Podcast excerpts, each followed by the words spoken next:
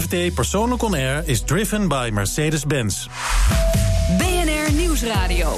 FD Persoonlijk On Air. Paul Lasseur. Welkom bij FD Persoonlijk On Air, live vanuit Grand Hotel Amrad aan de Prins Hendrikade in Amsterdam. Het Kaasplateau, ja, hoe heurt het eigenlijk? En van de ballroom tot de boardroom, wat een regendans met een bedrijfstransitie te maken heeft. Dat allemaal straks. Eerst het is al 15 jaar geleden, maar veel mensen zullen haar kennen als die rooie van Baantje. Ze speelde bijvoorbeeld ook in Vrouwenvleugel op tv en in verschillende producties op de planken. Daarnaast schreef ze verschillende romans. En haar vijfde boek is een zelfhulpboek met de titel Sofa Sessies. Hartelijk welkom, Marjan Mudder. Hallo. Leuk dat je er bent. Dat is een beetje een thuiswedstrijd voor je, Amsterdam. Ja, ik woon in de Jordaan, dus ik was hier zo heerlijk. Ja, goed, maar je bent van oorsprong Rotterdamse, hè? Ja, ja dus, dat, en dat wel. En dat lukt wel een beetje aarde in, in uh, 020? Ja, ik hou nog steeds heel erg van Rotterdam hoor. Ik kom er nog steeds heel graag. Maar, maar Amsterdam is een grotere uitdaging voor me. Ja, waarom? Ja, dat is, ja, het is gewoon. Rotterdam, ik zeg altijd: Rotterdam is een heel mooi boek, maar ik heb het uit. En Amsterdam. Uh, dat gaat niet lukken. nee, daar, ben ik nog steeds, daar ben ik nog steeds mee bezig. Ja, nou ja, goed, uh, goed dat je hier bent in elk geval. ik denk dat de meeste luisteraars je als actrice zullen kennen, maar sofa-sessies is al je vijfde boek. Ja. Uh, hoe is het schrijven zo gegroeid naast dat acteren? Ja, ik schrijf al mijn hele leven. Ik schrijf al vanaf mijn tiende een dagboek.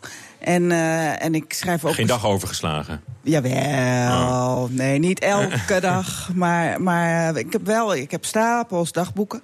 En, uh, en ik schreef ook vaak gedichtjes en korte verhalen. Dus dat zat er altijd al in. En. Um, ik heb altijd gedacht ik kan, dat ik geen fictie kon schrijven. Dus, dat, dus ik, daar begon ik nooit aan. Maar ik droomde altijd wel van een boek. En op een gegeven moment ook door, door de, de motivatie die, die, uh, van een vriend van me... die zei van, je moet gewoon een boek gaan schrijven. En toen dacht ik, god, misschien moet ik dat eens proberen. Ja. En toen gebeurden er een, een, aantal heftige dingen in mijn leven. En, en uh, dat gaf me ook genoeg stof om te gaan schrijven. En zo is het eigenlijk begonnen. Ja. Maar dat, dat geldt dan uh, in het bijzonder, denk ik, voor, voor, voor dit boek, hè, Sofa-sessies. Mm -hmm. Omdat het gaat ook over, over jouw, jouw persoonlijke uh, leven. En uh, ook je worsteling met, met depressies en angsten. En eigenlijk een enorme speurtocht door allerlei soorten therapieën ja. hè, die je hebt doorlopen. Ja, ja, dat, ja. dat beschrijf je in dit, in dit boek. Ja, ja. En, uh, maar goed, het is ook wel heel, heel persoonlijk ook, dat boek. Hè? Ik, uh, ja. ik, heb, ik heb erin zitten lezen voor deze uitzending. Maar ik heb het gevoel dat ik je al, dat ik jou redelijk ken. Hè? Je, je, je beschrijft je diepste gevoelens en je familie en, en uh, liefdesaffaires. En alles komt aan bod. Ja, er komt wel veel aan bod. Ik vertel ook heel veel niet, overigens. Maar, maar oh, dat, dan wordt het interessant. wat, wat, wat vertel je niet? maar het is, uh, ik, heb, ik heb heel zorgvuldig moeten kiezen welke verhalen ik zou vertellen. Mm. Over mijn familie bijvoorbeeld en ook over mijn persoonlijke leven. Om duidelijk te maken met welke problemen ik te maken had. En waarom ik überhaupt in therapie ging. Ik bedoel, dat moest wel, dat moest wel in een context vallen. Anders begreep je er Mhm. niks van. Dus dat is, een, dat is vooral een, een, uh, heel belangrijk aandachtspunt geweest... om daar zorgvuldig in te kiezen van wat vertel ik wel en wat vertel ik niet. Ja, want, want misschien, ik, ik kom er toch even op terug... het is misschien nog wel interessanter wat je, wat je niet vertelt. Hè? Is, er ook Vast. een, ja, maar is er ook een deel van je wat je voor jezelf wil houden... en waar je gewoon geen zin in hebt om te delen? Want als ik je boek lees, dan heb ik het idee dat dat, dat, dat je geen moeite kost... om jezelf bloot te geven. Nou, de, kijk, de, de, het grappige is, is dat ik in therapie ben gegaan... omdat ik het heel moeilijk vond om me open te stellen. En daar heb ik nu niet meer zo heel erg veel moeite mee. dus ik ben een beetje de schaamte voorbij. Maar het is wel zo dat er nog steeds dingen zijn... die ik liever voor mezelf hou. Ja. ja. Nee, dat, dat zal iedereen, Ja. dat zal iedereen hebben. En in die zin eh, dient het allemaal het, het doel van dit Ja. boek. Ja. En eh, wat, eh, hoe zou je dat doel omschrijven van dit boek? Wat heb je ermee willen, willen bereiken met het schrijven van dit boek? Nou, ik heb het boek vooral geschreven om er andere mensen mee te helpen. Omdat ik gedurende. Ik ken, heb ontzettend veel mensen gesproken, ook tijdens het schrijven van dit boek. die dezelfde ervaring heb, he- hebben als ik. Die eh, lang in therapie zijn geweest en wel tot inzicht zijn gekomen, maar zich uiteindelijk niet beter zijn gaan voelen. En ehm, dat is lange tijd mijn ervaring ook geweest. Uiteindelijk heb ik wel een soort omslag gemaakt. Dus ik ben nu van mijn angsten en depressies af, zeg maar. Dus alles wat ik, wat ik aan ontdekkingen heb gedaan de afgelopen jaren, heb ik in het boek eh, willen delen met andere mensen, zodat uh, anderen hun voordeel ermee kunnen doen. Ja, je bent ook heel kritisch eigenlijk over, over therapieën en over therapeuten die je hebt uh, meegemaakt. En tegelijk denk ik misschien, als ik, ook als ik je boek lees, misschien was je zonder die therapie en zonder al die uiteenlopende therapieën wel helemaal niet tot die inzichten gekomen die je nu toch bereikt hebt. Nee, Misschien dat was het toch wel nodig om, om door te lopen. Allemaal. Nou, het is ook zeker niet dat ik er helemaal niks aan gehad heb. Want natuurlijk uh, kom je tot begrip en kom je tot inzichten. Maar ik wilde. Ik was heel ambitieus in dat ik van mijn angsten af wilde. Ik wilde er niet mee leren omgaan, ik wilde er van af. En ik was er op de een of andere manier van overtuigd dat dat moest kunnen. Dus het was ook een beetje mijn persoonlijke kweeste om dat voor elkaar te krijgen. En, en, en door alles wat ik nu weet, kan ik ook duiden waar uh, therapieën hier en daar falen. Weet je, het is niet allemaal onzin en ik, ik keur therapie ook niet af, zeker niet. En er zijn ook ongetwijfeld hele goede therapeuten. Toevallig heb ik een paar mensen getroffen die wat minder goed waren.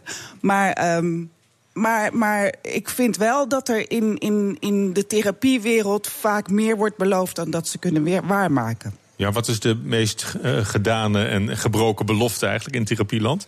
nou ja, ik heb, ik heb een therapie gedaan, heel lang geleden. Ik was 27. En uh, en toen was de belofte van dit gaan we twee weken doen. Twee weken op, met een blinddoek op een bank. En dan vooral heel erg terug naar de jeugd en veel huilen. En dan zou ik mijn ware zelf... Ja, ze hoort het ook. ja, Toch, ja, therapie? Veel huilen. en dan zou ik mijn ware zelf uh, hebben bevrijd. En uh, toen ik uh, in het nazorggesprek zei dat dat niet was gebeurd... toen zei die man, dan moet je jezelf maar als invalide beschouwen. Dat wordt nooit meer wat. Ja. komt kom, nooit meer goed. En, en, maar hoe is, hoe is het inmiddels? Want we zijn natuurlijk tientallen jaren verder. Ja. Hè, sinds die eerste uh, therapiesessies. Maar, maar hoe, hoe is het nu? Ja, heel goed. Ja? Ja, ja, daarom heb ik het boek ook geschreven. Dat, dat, weet je wel, ik, ik uh, draag uit, jongens, het kan. Ja, en die, uh, en, en die depressies en angsten die, die je had, uh, hoe, um, hoe zaten die jou in de weg? Hoe had je daar concreet last van? Um, nou, ik had er vooral last van in, in relaties. Ik had een hechtingstoornis, dus ik had veel verlatingsangst, bindingsangst. Dus dat uh, relaties waren altijd een beetje, een beetje uh, best wel ingewikkeld voor me. En uh, veel faalangst en paniekaanvallen, s'nachts wakker worden en niet weten waarom je bang bent, maar alleen maar doodsbang zijn. Dat soort dingen. En dat, weet je, en dat angstige, dat, ja, dat heeft wel invloed gehad op keuzes die ik heb gemaakt. En, en ja, dat, dat, dat, als, als, ik daar, weet je, als ik daar heel goed over zou moeten vertellen, heeft dat best wel uh, een enorme uh, invloed gehad op mijn leven. Ja, maar inmiddels ben je, ben je helemaal geland en rustig en in ja. balans. En, en weet, je, weet je precies wat je, wat je wil en hoe en in welk tempo. ja. dat, uh, dat allemaal moet, moet gebeuren. Ja, echt. Ja, ja. ja. Nou, we hebben het straks nog uitgebreider over jou, jouw persoonlijke zoektocht. Ook je conclusie hè, over therapieën en hoe je daar mee om zou, zou, zou moeten gaan als je dan toch in, in, in therapie zou willen. ik wil je eerst even wegnemen uit het, uit het hier en nu. Uh, we hebben je vooraf gevraagd om een ideaal weekend samen te stellen... zonder grenzen aan tijd, afstand of uh, geld. En in jouw geval klinkt dat zo.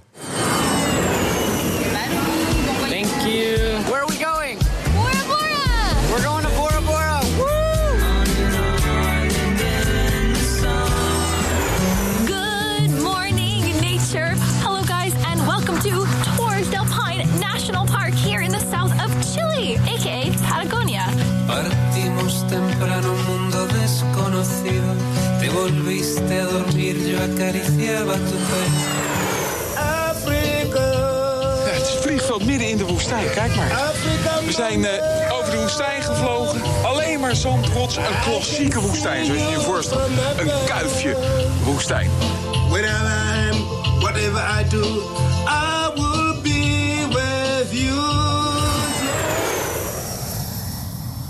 Het was het droomweekend van uh, Marjan Mudder, schrijver, actrice. Ze het uh, hele uur mijn gast. Uh, je, je, bent graag in de natuur, begrijp ik. Ja, hè? Dat heel is, erg, dat is een beetje ja. de rode draad in, jouw, in jouw droomweekend. Ja, ja. Dus natuur en. maar goed, ook, ook Bora Bora, dat is gewoon een, een, een bounty-eiland. Ja, ik ben, ik ben er nooit geweest. Ik heb er wel eens over gelezen. Dat schijnt het mooiste eiland van de hele wereld te zijn. Dus dat is de reden waarom ik het, waarom ik het gekozen stranden, heb. palmen. Ja, ja, warme zee en uh, snorkelen, duiken. Ja, heerlijk. Ja, en uh, ook Patagonië. Ja.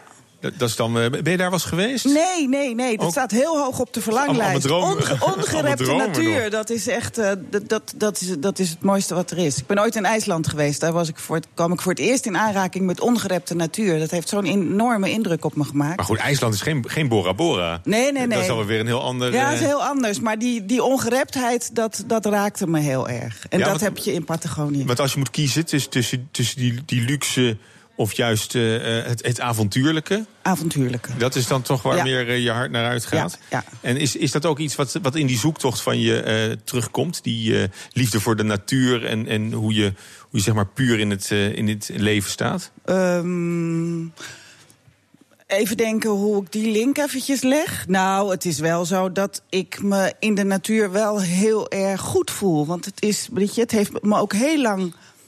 Eh, het heeft heel lang geduurd voordat ik doorhad dat we natuurlijk ook in een behoorlijk krankzinnige maatschappij leven. En dat het niet alleen maar aan mij ligt, maar dat je je ook als mens maar moet zien te verhouden tot tot die neurotische samenleving waarin we, waarin we leven. En, en op het moment dat ik in de natuur ben, in de, en met name de ongerepte natuur. Dan valt er wel ontzettend veel van me af. Dan voel ik wel, ja, dan voel ik me wel heel erg goed. Ja. En, en- maar toch woon je in, in de Jordaan. Ja, Dus dat is dan eh, misschien daar niet mee, eh, mee te nee, rijmen, helemaal niet. Nee. Nee, nee, maar dat, dat is ook wat ik bedoelde. Dat, dat, dat als je ehm, geplaagd wordt door angsten, je niet altijd de beste keuzes maakt. Maar weet je wel, als ik zou zijn. 25 jaar geleden was geweest wie ik nu ben, dan had ik waarschijnlijk niet in de Jordaan gewoond. Dan had ik misschien al lang ergens eh, op een eiland ergens gewoond. Of in, in Namibië wellicht. Want daar, had je- Of, daar eh, heb je ook plannen Namibië. voor, hè? Ja, ja, ja, vanwege het wildlife. Het, ik, ik ben eh, ontzettend gek op dieren. En, ehm, en, de, en, en daar, eh, die, ja, die heb je daar, hè? Dus dat wordt echt een, een safari-tour. Ja, Wordt dat. ja. En ehm, eh, ben je wel eens echt langere tijd ook op, op reis geweest of op wereldreis? Of is dat eh, er nog niet van? van nou, ik, ik ga wel met enige regelmaat op vakantie, maar, maar, en ook wel avontuurlijke vakanties, maar echt een reis met, zeg maar, met een rugzak en dan een paar maanden erop uittrekken en niet helemaal goed weten waar je komt. Dat heb ik dus nooit aangedurfd en dat ga ik nu wel binnen heel korte tijd ga ik dat doen. Dat staat concreet eh, op de agenda. Ja. Nou, ik, eh, ik, ik ga je eraan houden. en straks, eh, straks praat ik verder met schrijver-actrice Marianne Mudder. En we blijven in de coachingthematiek met een dansmeester... die de ballroom voor de boardroom verruilde. Tot zo. BNR Nieuwsradio. FD Persoonlijk On Air. Mijn gast vandaag is actrice en schrijver Marianne Mudder. Eh, en onze volgende gast die weet veel van beweging. Eh Marianne, ik blijf nog even bij jou. Ik las Ja. dat je aan, aan yoga doet. Ja. Eh, wat brengt yoga je? Is dat, eh, is dat ook een soort dans?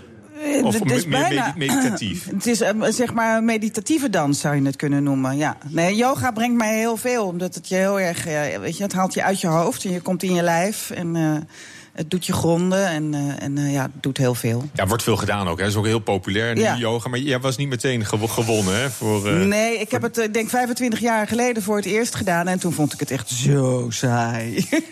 Maar nu niet meer. nee, maar nu zijn er ook je allemaal zit je nooit, je andere zit je nooit te vervelen op je matje. Nee, maar ik doe ook vrij, vrij energieke soorten yoga. Weet je wel, 25 jaar geleden had je alleen nog maar hatha-yoga. Toen was het nog niet zo populair. En dat is echt zo heel traag. En al die... Het, het was echt heel ouderwets. En ik vond het... Ik, vond, ik zat mezelf alleen maar te vertellen, ik moet hier weg. Ja. En, eh, Misschien dat je moet gaan dansen. Eigenlijk wel. Ja. Maar heb, heb je gedanst vroeger, jazzballet? Ik heb, eh, ik heb Je hebt- eh, je hebt een- ballet gedaan, ja. Ja. En ook in de opleiding misschien heb je ook moeten, moeten ja. dansen? Of, ja. Maar omdat ik, omdat ik zo'n angstig hoofd had, praatte ik natuurlijk altijd in mezelf. Ja, ik was, het klinkt alsof ik krankzinnig was, maar zo erg was het nou ook nu niet. Maar ik Je vertelde zag het aan de mezelf. buitenkant, zag je, zag je, zag je. Maar in mijn hoofd, dan keek ik in de spiegel tijdens de balletles. En dan zat ik mezelf alleen maar af te kraken. Terwijl ik een heel goed lijf heb voor dans. Maar ik zat mezelf alleen maar af te zeiken, weet je wel. Ik vond mezelf niet mooi en dit kan ik niet en dat kan ik niet. Dus daardoor ging het niet. Daardoor Ja. kwam ik letterlijk niet van de grond. En stijldansen?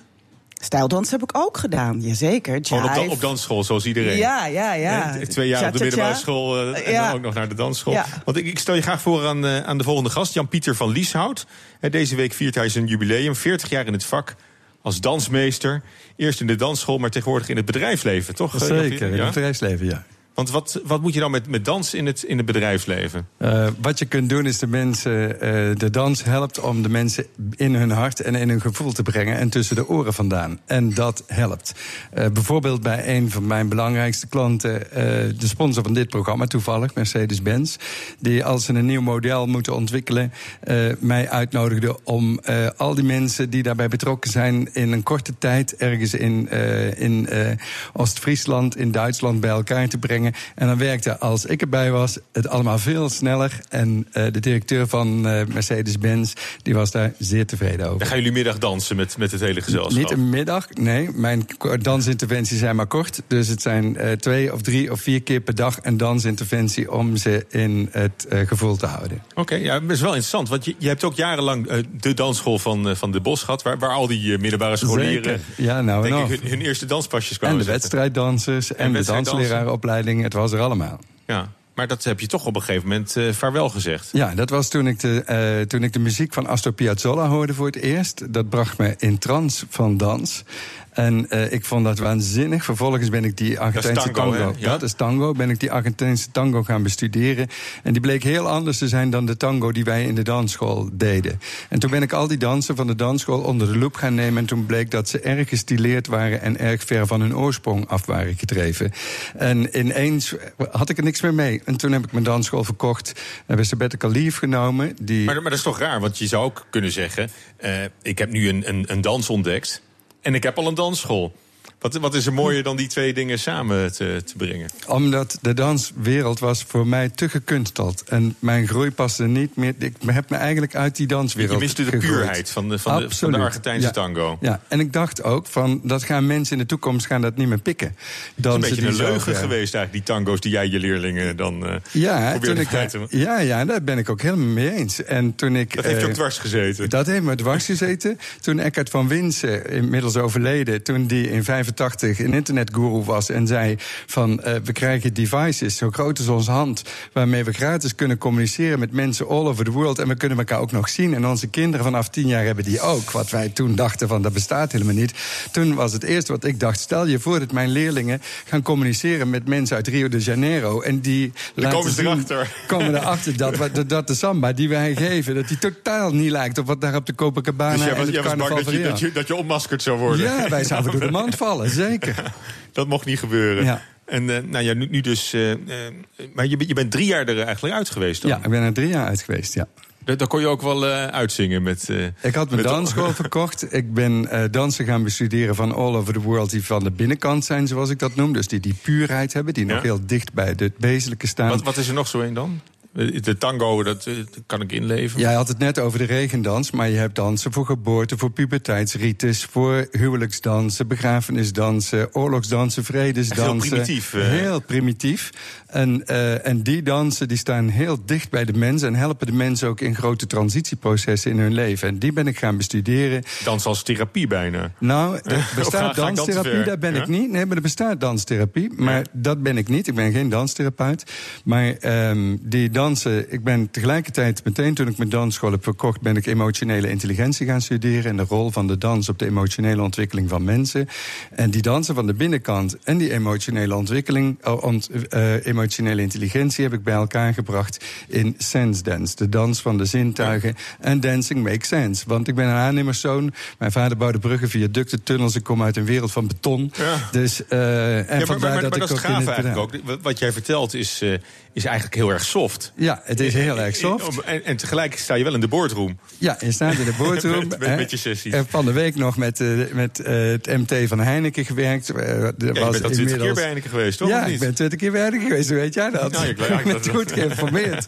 En, uh, en dan zijn er echt wel een paar dus, keer. Dus je bent, je bent wel welkom met je, met, ja, je, met, ben, je, met je soft, ja, ik ben zeer met je softe welkom. praktijk. Ja. Maar heb, heb je, uh, Marjan, heb jij ooit uh, danstherapie uh, gevolgd? Nee, nee, van, nooit. Oh, nee, maar is, volgens mij is, is, is, het verhaal wat je vertelt is volgens mij heel erg goed. Want dat is eigenlijk een van de, van de kritiekpunten die ik heb op therapie.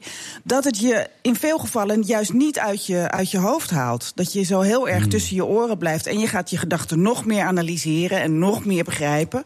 Maar daar ligt de oplossing niet. De oplossing ligt uit je hoofd en in je lijf. En dat doet die dans. En dat doet die dans binnen, binnen, binnen een paar minuten is een gezelschap, ook in een boardroom. Maar, dat, maar, dat, maar dan, is dan, ja, dan is dans dus ook. Ja. eh, kan een oplossing zijn voor, voor een probleem. Voor welk soort problemen word jij eh, ingevlogen? Bijvoorbeeld bij een fusieproces wat vastloopt, wat niet verder gaat. Als dan het mes daar gaan- gaan de twee partijen- daar gaan de twee partijen De samen- rivalen gaan ja, dan de met elkaar, rivalen eh, gaan dan met elkaar dansen.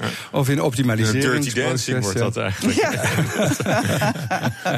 Eh, Je zegt nu dirty dancing, maar dat is de verandering van dans in Nederland. Dat, dat heeft de, die film heeft precies de verandering gemaakt dat we, eh, dat we alle gêne achter ons kunnen laten. Het was, het was Of ver- zoals- verplichte kost. Je moest op dansles. ja, of zoals Marianne net zei, van de schaamte voorbij. Ja, dan, eh, en dan komt die dans los en dan komt er wat verder. Het heeft mij in ieder geval geholpen om verder te komen. Ja, en eh, Heineken, Mercedes, maar, maar je, hebt, je hebt meer eh, echt grote bedrijven die jou daarvoor inhuren. Ja, de, bijna alle banken, eh, verzekeringsmaatschappijen, woningcorporaties. ehm, maar ook de zorg bijvoorbeeld. eh, de laatste jaren, zeker in de veranderingen die daar allemaal plaatsvinden. Ehm, nou, Hoe, hoe weet ze je te vinden? Oh, Is, is dat mond-op-mond reclame? Hoe, eh, elke workshop levert een nieuwe workshop op. Ja. Ja, dat is zo'n apart verhaal dat je, omdat de context, men verwacht geen dans in de context van de corporate world. En als dat dan resultaat heeft, dan wordt dat verder verteld. Ik hoef nooit reclame te maken.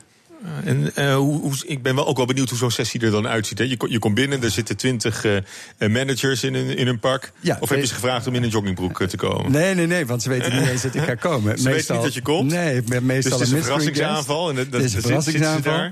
Van tevoren leer ik altijd de voornamen van de mensen uit mijn hoofd. Dus dan met, ik... de, met de hoofden erbij. Ja, met de hoofd. Nee, nee, want ik weet dan van tevoren niet wie er zit. Maar eh, dan, eh, dan leer ik de namen uit mijn hoofd. Ze zitten in een cirkel. Ik leg een model uit, zodat ik een gewone consultant lijk. En eh, vervolgens. Gewoon met een flip over en Met en een flip over, zeker, ja. En eh, dan leg ik ze de cognitieve eh, connotatie van mijn werk uit. Nou, dan snappen ze allemaal wat we, aan- wat we allemaal gaan doen. En dan zeg ik: Ik heb een bijzondere methode om jullie daar te brengen. Willen jullie eens opstaan? Nou, en dan noem ik al die namen. In de verrassing dat, ze, dat ze, ik hun namen ken, staan ze allemaal op. Ze doen een simpele dans. Stapje naar voren, twee keer door de knieën. Stapje naar achter, twee keer door de knieën. Stapje opzij. Dan zet ik de muziek aan en hup, we zijn aan het dansen. Dat duurt nog geen half minuut. Grote hilariteit dan natuurlijk. Van het zal toch niet waar zijn, we zijn aan het dansen. En eh, ze staan al met hun andere armen over elkaar. Dus dat is lekker veilig. En ze houden elkaar vast. Dus er gaat niemand snel sneaky de zaal uit. En dan, eh, die dans duurt lang. En eh, hoe moeilijker het gezelschap, hoe langer dat de dans duurt. En in vele gezelschappen heb ik maar twee minuten van die dans nodig, kan ik alweer verder. Maar die dans die maakt het los. En dan laat ik hem, als de mensen los zijn, laat ik hem nog iets langer tergend. Zodat er een verlangen komt voor het volgende. Wat is hier aan de hand? En wat zijn we ons tijd aan het verdoen? Of gaat dit nog ergens over? Beetje treiteren ja, dat treiter ik ze een klein beetje. En dan ga ik door naar de volgende dans. Ja. En moeten ze ook een danspartner vragen? Want dat vond ik altijd het, eh, Nooit. het, het spannendste. Nooit, nooit, nooit, Nee, het nooit, is, eh, nooit. Nee, ja. dus ik kan, ik eh, bijvoorbeeld, er zijn bedrijven waar ik alleen maar met mannen aan het dansen ben. Er zijn er 40 mannen in een workshop. Er zijn ook eh, gezelschappen waar alleen maar vrouwen in de workshop zijn. En meestal is het een mix. En het maakt mij niet uit of dat, eh, of dat, eh, er, een, eh, of dat er meerdere meer mannen dan vrouwen zijn of andersom. Eh, Ik, in de dansschool was het belangrijk dat er evenveel jongens als meisjes waren. Dat is nu niet meer. Ja. En je krijgt iedereen aan het, aan het dansen. Er- zijn eh, in, in al die tijd maar twee of drie geweest eh, die, die niet konden. Ja, één had een houten been. Daar ben ik Die kon niet echt. wezen, ja. Ja, ja. En een andere die was, eh, die, die was heel erg gefrustreerd voor, eh, voor ehm, sensitivity training van vele jaren geleden. En die dacht dat het weer die kant op ging. Dus die, Dus die had ook een goed excuus? Ja, die ging echt eh, daarin. En weer iemand die eh, was zo benauwd. Die was, had al afscheid genomen van de organisatie. En, eh, en die, dacht, bekijken maar. Ja, precies. Ja. nou ja, dat is ook alweer, eh wel weer te begrijpen. En, en toch, eh, op, op welk niveau doe je dit? Is dat ook wat je zegt, eh, van ballroom naar boardroom? Maar ik kan me toch niet... Ik zie Ben van Beurden van, van Shell, de topman. Heeft, heeft hij ook al eens een dansje gewaagd in een van jouw workshops, of niet? Nee, hij niet. En, eh, en, er zijn de, en er zijn veel CEO's die dat nog niet gedaan hebben. Dus die nodig ik van harte uit. Maar, eh, maar er zijn wel mensen van Shell die, eh, bij, me die bij me gedanst hebben. En, ehm, en, eh, en dan kom ik ook in de boardroom. Bijvoorbeeld eh, de top van Philips heb ik niet laten dansen. Maar ik heb wel in hun, in hun boardroom Ah. gezeten hier aan de Amstel. Met eh, de schitterende Ferdinand Bol aan de wand. Een prachtig uitzicht. Ja, maar het is, het is natuurlijk wel... uiteindelijk is dat misschien wel wat je wil. op het allerhoogste niveau binnen bedrijven ook met jou. dat doe ik ook. Dus het is niet wat ik wil, dat is wat er gebeurt. Ja. Ook met, met, met de CEO's dus. Ja. Want dan ga je daar toch, toch anders, een beetje anders naar kijken, naar, die, naar mannen en vrouwen. Je, je noemt er toevallig eentje van een andere organisatie, maar je eigen sponsor, daar heeft de CEO wel van gedanst. Ja, nou, ik vind, ik vind het een, een, een, mooi, eh, een mooi project. Ja. Dus en, en, en gefeliciteerd ook met, eh, met je jubileum. Dankjewel. En het boek wat, eh, wat daaruit is voortgekomen. Dansmeester Jan-Pieter van Lieshout. Dankjewel. Merci. BNR Nieuwsradio. FD Persoonlijk On Air. Vandaag is schrijver-actrice Marianne Mudder mijn gast. Ze schreef een boek, Sofa-sessies. Ze schreef al meer boeken, maar dit is haar nieuwste boek. En inmiddels staat er een kaasplateau voor ons op tafel, tussen ons in. Want René Koelman van Bourgondisch Lifestyle is aangeschoven. En hij is maître fromager. Klopt, ja. Toch, René? Helemaal. Wat is een maître fromager? Heb, heb je dat zelf verzonnen? Nee, nee, nee. Het is een, een titel die, eh, die krijg je eh, niet zomaar. Daar moet je je wel voor bewijzen. Eh, aangesloten bij het Guilde de Fromagers. word je getest als het ware door je, door je collega's of je die titel waardig bent. En dan, je komt het gilde binnen als garde juré, een beschermer beoordelaar. En dan word je prud'homme, rechterhand van de meester. En uiteindelijk maître fromager. Hoeveel maîtres zijn er in Nederland? In Nederland zijn we met z'n tweeën. En Oh. wereldwijd zijn we denk ik eh, zo'n 110, denk ik. Nu, nu ongeveer. Het is ook, Ja. dus ook een heel internationaal gebeuren. Ja. Het, eh, die die, die fro- fromagerie. Ja, het, Guilde de Fro- in- het, het internationaal Guilde de Fromager. Opgezet in Frankrijk, eh, ooit door Pierre Androuet. Oh, oh oké. En bestaat het al lang dan? Eh, we, zijn, we hebben, volgens mij zitten we nu op 50, 60 jaar zo'n beetje. Tussen de 50 en de 60 jaar, exact. Oké, en wat, wat moet je niet alleen doen om het te worden, maar ook om het te blijven? Moet je... Je beste doen en eh, de kaas op een uh, hoger voetstuk brengen. Dus, uh. Oh, je, je bent een soort kaasmeisje, ben je? Ja, nee, in, de, in de kaaspromotie zit je. Klopt. Want, want we, zijn, we zijn wel echt een, een kaasland natuurlijk, hè, Nederland. Hoe, hoe is het gesteld met, de, echt met de kaaskennis in, in Nederland?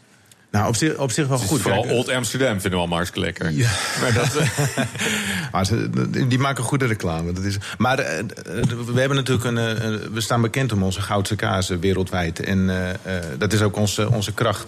Maar je ziet een hele ontwikkeling uh, in Nederland ook dat we veel meer zachte kazen gaan maken. En dat er ook een, een, bepaalde diversiteit komt. Dus het, het, leeft wel, het leeft wel meer en meer. Maar ja, in Frankrijk wordt altijd nog het loodrepier de fromage genoemd. Daar ben ik het niet mee eens. Sorry, wat, even vertalen. Het andere, het andere kaasland. Het andere kaasland, ja, maar dat, uh, erg zijn we dat wel. Ah, mogen er ook wel trots op zijn. Ja, ja nou ja, ik, ja. Ik, denk, maar het zijn allemaal die, die gele harde kazen natuurlijk. Hè? Die, die goudse kazen waar we, waar we beroemd om zijn. En veelal industrieel. En we hebben ja. heel mooie, mooie boerenkazen ook. Maar goed, en er, er komen er dus steeds meer. Ook, ook in die zachte en geit en, en ja. schaap. En, uh, gelukkige ontwikkeling. Ja, en, en schimmelkazen denk ik ook. Ja, veel blauwhaarders ook. Ik heb, ja. ik heb nou wat, uh, wat uh, een Nederlandse geit en een Nederlandse witschimmel meegenomen. Dus. Ja. Ja, ja het, het, het, ruikt allemaal fantastisch wat je hebt meegenomen. Ben je een kaasliefhebber, Marjan? Ja, enorm. Ja, ja ik nou, ben gek op Gelukkig maar, anders had je slechte Nee, slechte nee, ik vind het heerlijk, heerlijk. Want het, het, staat hier allemaal op tafel. Ik ben ook, ik ben ook dol op kaas. En ik, ja, misschien, misschien moet je even, even een stukje gaan, gaan proeven. Of moet je even vertellen wat je, ja. wat je hebt meegenomen. En wat, wat belangrijk is, ook wat we, de, wat we erbij gaan, gaan drinken. Want dat klopt. Ja. Daar gaan we nu ook even naar. Uh, Nee, we kijken, ik heb een plateau meegenomen om, om even ook een indruk te geven van de, de diversiteit van smaken die er zijn. Dus uh, eigenlijk altijd de opbouw van het plateau. Uh, dat, we beginnen altijd bij de, de, de versigheid en schapenkazen. En heb ik dan, Want die zijn mild. Die zijn mild. En maak je niet. Ja, een hoog zuurgehalte maken als het ware de mond lekker fris. Of lekker schoon als je, als je een hoofdgerecht op hebt. Want vaak wordt de kaasplankje als, na, als, als predessert gegeten. Maar ja. er, zit heel, er zit heel veel fris uit, heel veel zuur in. Ja. Dit is een geitenkaas uit uh, Lubbegaan van, uh, van Doeti. Een, de Zwarte Tour, dus uh, Friesland, even onder Drachten. Oké, okay, en hij heeft een beetje een, een, een blauwig korstje erop. Nou, grijs, met as, as ingelegd. En vaak bij geitenkaas zie je ook schimmel erop. Maar wij praten niet meer over schimmel, hm. maar over flor naturel. Dat klinkt aangenaam. Je kan het ja, gewoon eten. Ja. Dus. Ja, ik vind, uh, nee, maar hij is, hij is, heel fris. Het is echt een nee, lekker, lekker. mooie ja. tonen. Ja. Dus dat, uh, we, gaan, we gaan meteen door. Ja, dan gaan we door. Dat is uh, de zwaluwgekwetter.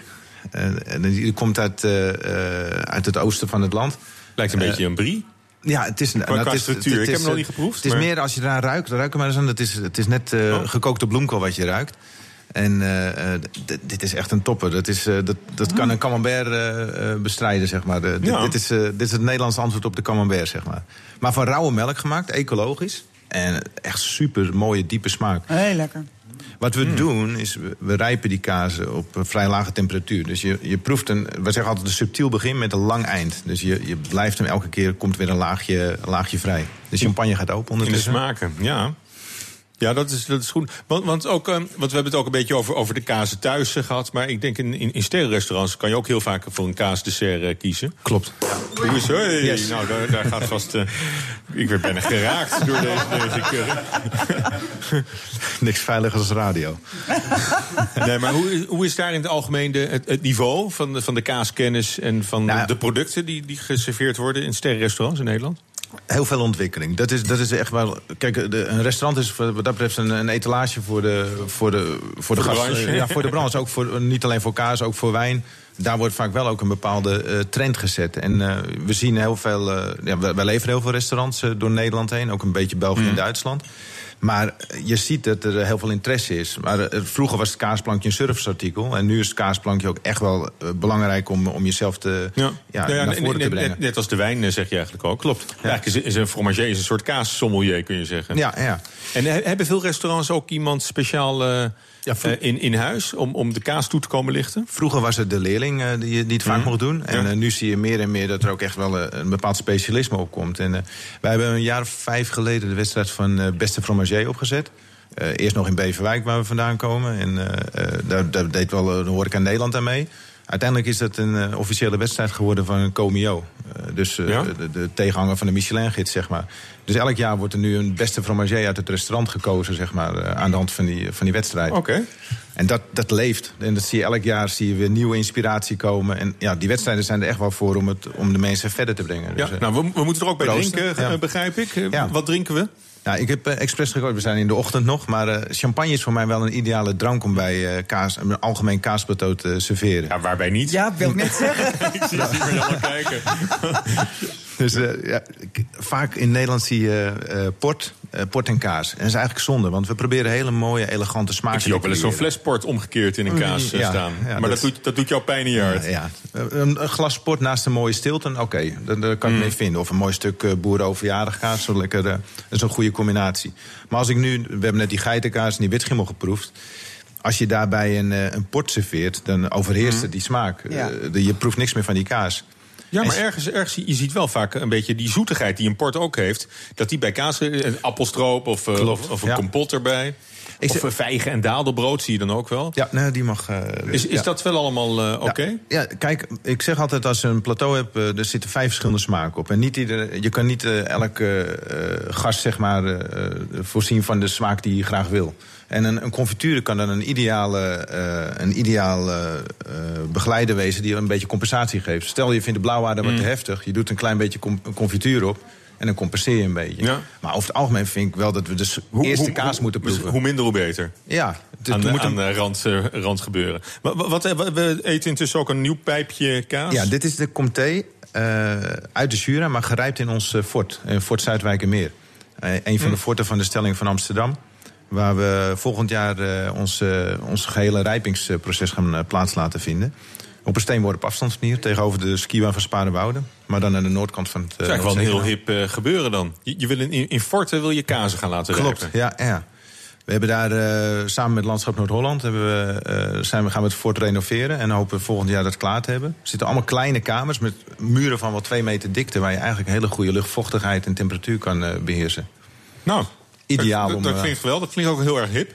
Ja, Net, net, als, net als bierbrouwertjes, zo gaan we ook toe naar, naar kaasmakers, denk ik. Ja, ja, ja. maar eh, kijk, eh, kaas, kaas moet leven. En we proberen ook in de winkels proberen we ook eh, kaas eh, even wat hipper neer te zetten. Ook, ook voor, de, voor de toekomst. De, het, perso- het personeel, ons team. Die, wil, ja, die moet ook trots zijn om in, een, in de winkel te werken. En dat moet met een beetje lounge muziek. mooie frisse kazen. Mooie dranken erbij. Lekkere crackers. Ja. Die gaat ook open.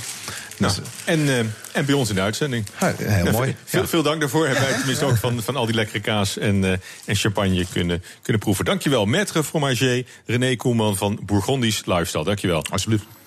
Uw kast en ik vertel wie u bent. Onder dat adagium stond Jigo Krant op de stoep bij architect Kees Dam... bekend als medeontwerper van de Stopera. Goeiedag. Goeiedag. Ik kom voor Kees. Ja, kom verder.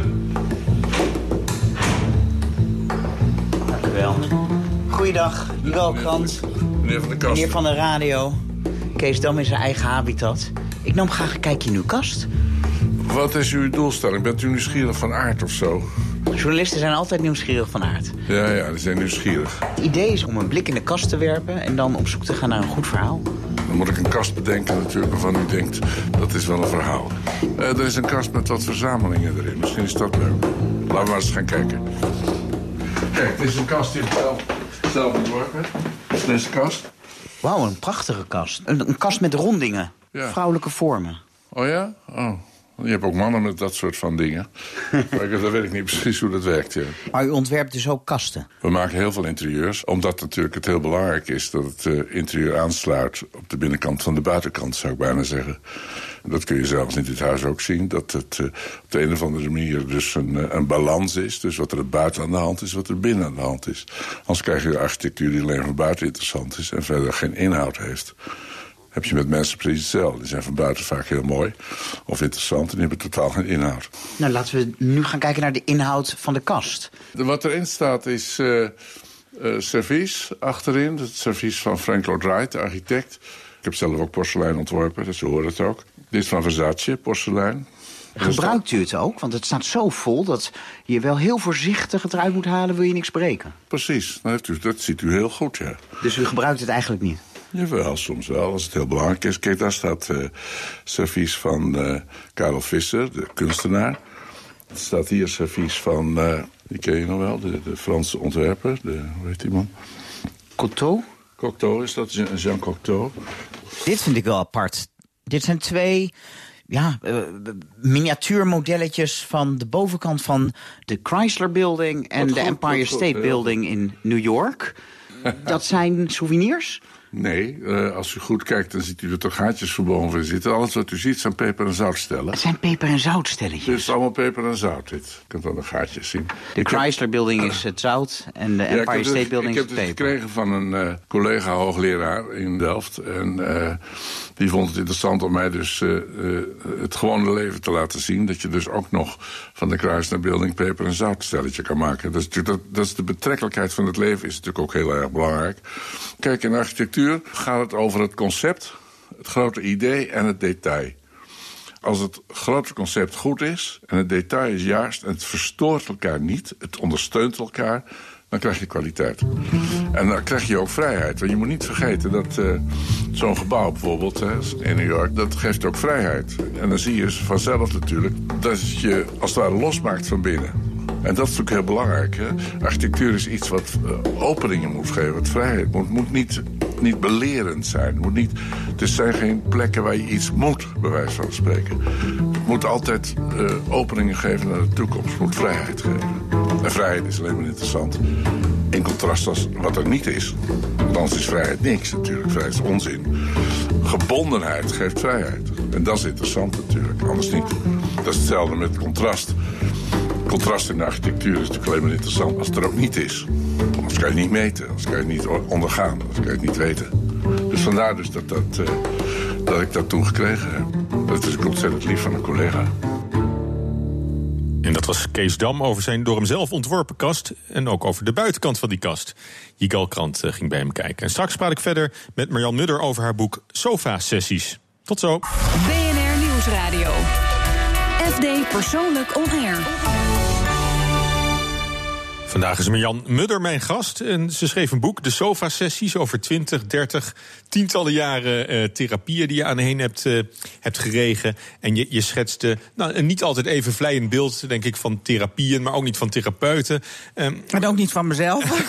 ook, ook niet van jezelf, maar, eh, zeg maar het, het, antwoord dat, je zocht voor, voor depressies en angsten, vond je in ieder geval niet zonder meer in, in de gangbare therapieën die daarvoor worden aangeboden. Begrip en tot inzicht, maar van mijn angsten kwam ik niet af. Nee, en wat, wat ik dan wel in- interessant vind, ook, ook in je boek doe je dat. eh, beschrijf nou eens een, een, een- typische therapeut. Want wat, zo, zo kennen we. Het, het, Ja. het, zijn, ook de dokter Rossi's, hè, die ja-knikkers en die. die Ja, meer- Mhm. precies. Ja, ik heb, Mhm. er- komt een, eh, psych- een psychotherapeut in mijn boek voor. En, en dat was een man die zat, die zat letterlijk, zoals dokter Rossi, met een dikke sigaar en zijn benen over elkaar naar mij te luisteren. Stelde geen vragen, liet mij praten.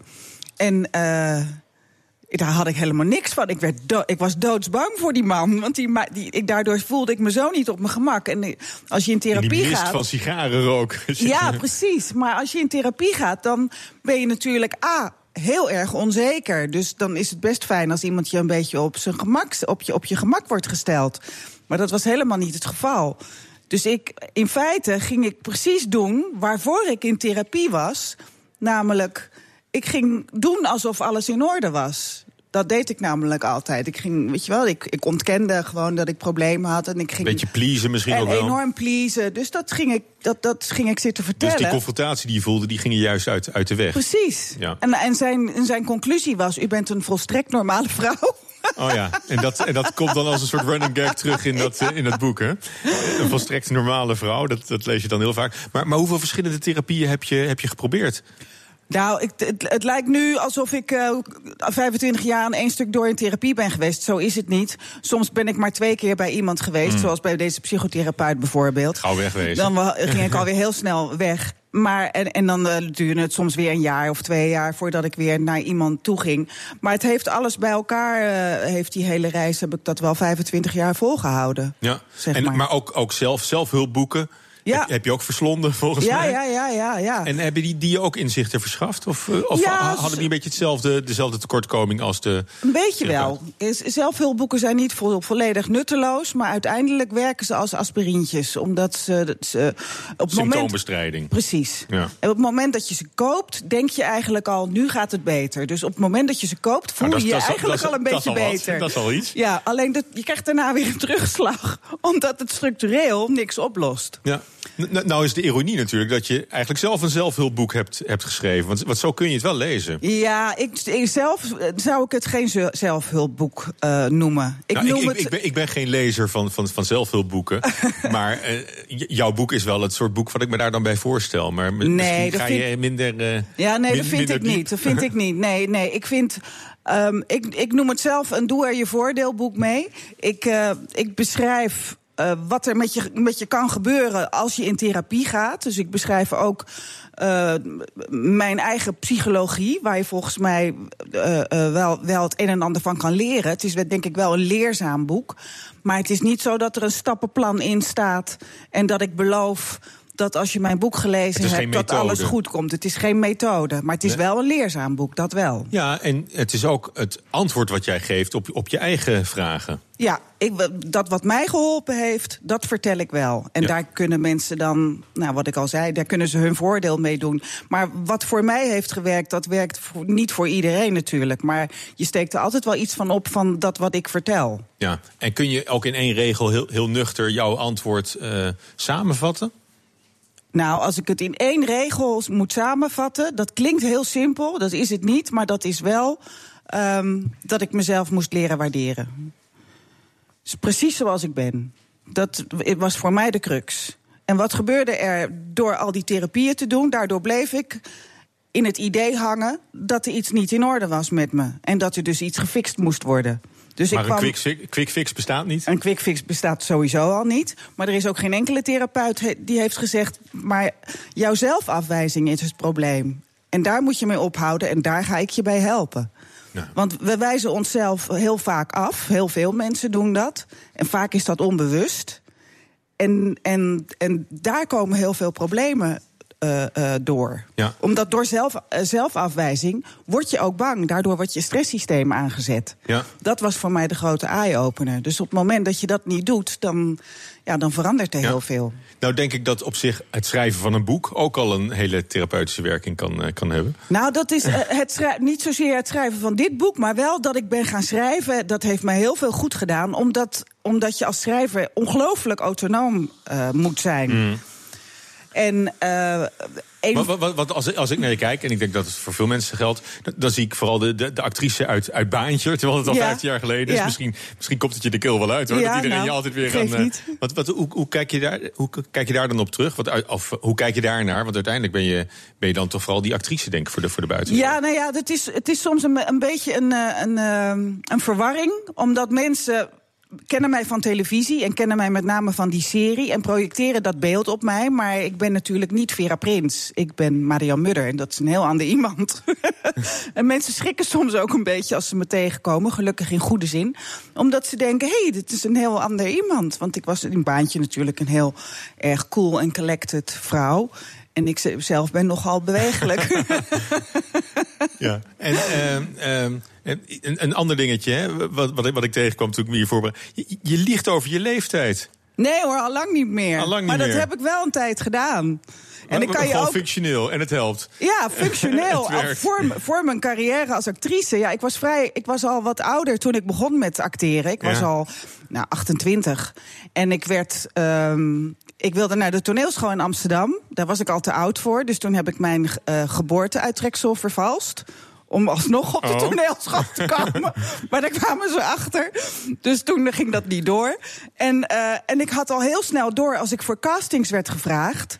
Dat dan vroegen ze, weet je wel, dan was het een vrouw Ja. van een jaar of dertig. Maar ik zag er heel jong uit. Ik was echt een meisje nog op mijn 28ste. Dus, dus je wilde eigenlijk meedoen voor de, voor de, voor de meisjes van, eh, van Precies, 20. ik dacht, ik moet mijn, aan, mijn leeftijd aanpassen aan hoe ik eruit zie. Want anders dan Ja. kom ik nooit aan het werk. Nou, en dat is wel gelukt. Ja. En op een gegeven moment, ja, toen Maar werd dat, ik... was, dat is geen ijdelheid geweest om een beetje Nee, op. nee, nee, Daar heb je geen last van, niet. van ijdelheid. Nee, ik, op, toen ik 50 was, ja, ik ben wel ijdel. Ja, nee, natuurlijk ben ik ijdel. Nee, maar dat he- daar heeft het niks mee te maken. Nee, het was echt een, volgens mij een hele slimme zet, eerlijk gezegd. Maar toen ik 50 was, dacht ik, ja, nu maakt het niet meer uit. Want als actrice van boven de 50 maakt het, weet je wel, dan kom je in een heel andere, een hele andere bak terecht. Dus toen heb ik het eh, opengegooid, een keer in een interview.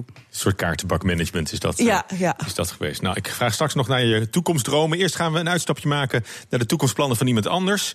We gaan namelijk binnenkijken bij een sympathiek Utrecht stadhuisje. En eh, dat eh, staat te koop. Is op loopafstand van de terrasjes van het populaire Ledig Erf. Met tuin en uitzicht op het eh Betanienklooster. En bewoner Bas Meijer, die is gemeenteraadslid van D66. Hij wil graag een stukje groter gaan wonen. Ik ben voor dit huis gevallen omdat het enorm veel sfeer heeft. Ehm, het gevoel wat ik had is, is thuiskomen. Het is echt een hele fijne plek. En heel veel mensen die hier komen die zeggen... hé, hey, wat is het hier prettig, wat is het hier mooi licht... wat is het hier mooi authentiek... Het heeft natuurlijk een mooie houten vloer eh, beneden. Kraakt ook zo lekker? Ja, hij kraakt een beetje. Maar goed, het is een huis uit, eh, uit eind 19e eeuw, weet je. Daar, daar kraakt en piept eh, alles een beetje. En, en dat, ja, wat mij maakt, het, mij maakt het niet zoveel uit. Ja, maar ook een beetje eh, te klein uiteindelijk. Eh, nu voor ons wel te klein. Eh, We willen aan gezinsuitbreiding beginnen. En ja, dan heb je misschien wat meer kamers nodig. En dan is 75 vierkante meter voor ons net te klein. En daarom gaan we wat groter. En wat doen mensen die in het centrum van Utrecht wonen dan? Die gaan naar de Phoenix en die gaan naar Leidse Rijn. Ja, wij gaan naar, de Leid naar Leidse Rijn inderdaad. In de buurt van het Maxima Park en Brouwerij Maximus... hebben we een heel groot huis gekocht met een grote tuin op het zuiden. 170 vierkante meter, dus dat is echt wel een paar stapjes groter. Ja, kom verder. Ja, dan komen we op de, op de vierde terecht. Da- Daar zit wel tussen aanhalingstekens meteen het probleem van het huis. Ja, het probleem van het huis is dat we deze oppervlakte... en dat is eh, vanaf staarhoogte 1,50 meter, zo'n 11 vierkante meter... niet mogen meerekenen in de oppervlakte volgens de nieuwe normen. Ja, en dat scheelt nogal of je een huis te koop zet voor 64 vierkante meter... zoals nu het geval is, of 75. Ja, behoorlijk. Behoorlijk. Maar goed, dat zijn de nieuwe normen. En daarom hopen we ook dat mensen gaan kijken en zien dat dit een wel degelijk oppervlakte is die je heel goed kan, eh, kan gebruiken. Geen enkel Ja. probleem. Ja. Nou, zullen we even naar beneden gaan? Ja, prima. Nou ben je ook gemeenteraadslid hè, voor D66 hier in, hier in Utrecht. Ken je de woningmarkt dus ook een beetje. Eh, ja, dit, dit huis staat natuurlijk voor een behoorlijk bedrag te koop... als je naar het aantal meters kijkt. Is dat ook zo omdat je toch een beetje dollartekens in je ogen krijgt? Nou, nee. Ik, eh, wij verkopen dit huis niet om eh, een enorme winst te boeken. Wij verkopen dit huis eh, omdat we iets groter willen en naar de andere kant van de stad. En we denken nog steeds dat we een prijs vragen die voor veel mensen goed te betalen is. En je krijgt er ook heel wat voor terug, zo vlak bij de binnenstad. Ja, maar, maar toch even naar die woningmarkt kijkend... is toch niet een beetje de totale gekte hier in Utrecht?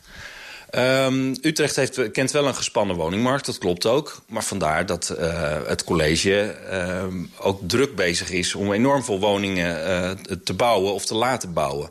Er wordt ongelooflijk veel uh, aan woningcapaciteit bijgebouwd in Utrecht. En met name in het middeldure huur- en, en uh, betaalbare koopsegment. Mm -hmm. um, om zoveel mogelijk mensen die nu scheef wonen in sociale uh, woningbouw... om die te verleiden om naar een betere, grotere of mooiere plek te gaan... en zo weer capaciteit vrij te spelen in het sociale segment.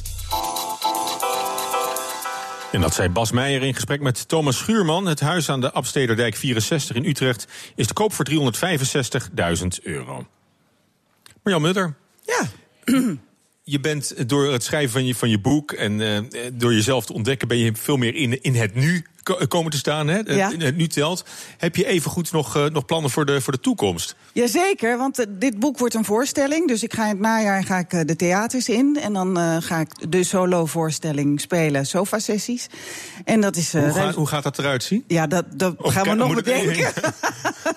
we gaan deze zomer repeteren. En, uh, worden dat monologen of ga je ook, het, het divan zitten met een. nee, ik denk niet dat er andere. Nee, dat denk ik niet. Misschien dat we dat nog gaan bedenken. Maar ik denk dat het in mijn, dat ik het in mijn eentje ga doen. En. Um, en uh, dat belooft een uh, geestige en ook uh, ontroerende voorstelling te worden. En dan daarna ga ik die wereldreis maken. Oh, die wereldreis, die zit er toch nog, nog aan te ja, komen. Ja. En theater, televisie, schrijven, een, een mix van die drie.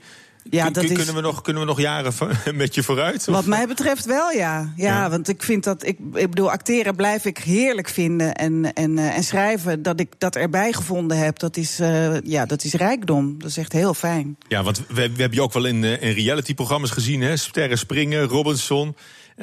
Blijf je daar ook aan meedoen? Nou, Want, dat weet kan ik me voorstellen niet. Dat je het is het, het avontuur daarvan sprak me heel erg aan. Maar, maar ik, ik, geloof dat ik dat toch niet meer ga doen, eerlijk gezegd. Eer, eerder nog een, een volgend boek. En, ja, ja, ja. En, en op ja. korte termijn, dus dat, dat is waar, wat we het eerst van je gaan zien... is de sofa-sessies ja. op de planken. Ja. Nou, ik, ik kijk er alvast naar uit. Fijn dat je mijn gast was. Dankjewel. En uh, dit was FD Persoonlijk On Air vanuit Grand Hotel Amrad in Amsterdam. Als u items terug wil luisteren, kan dat via de podcast. Te vinden op bnr.nl en de bekende kanalen. Ik zeg uh, vaarwel tegen Marjan Mudder, schrijfster van De Sofa Sessies. En uh, actrice. fijn dat je mijn gast was. En tot volgende week, week en fijn weekend allemaal. Dag. FD Persoonlijk On Air is driven by Mercedes-Benz.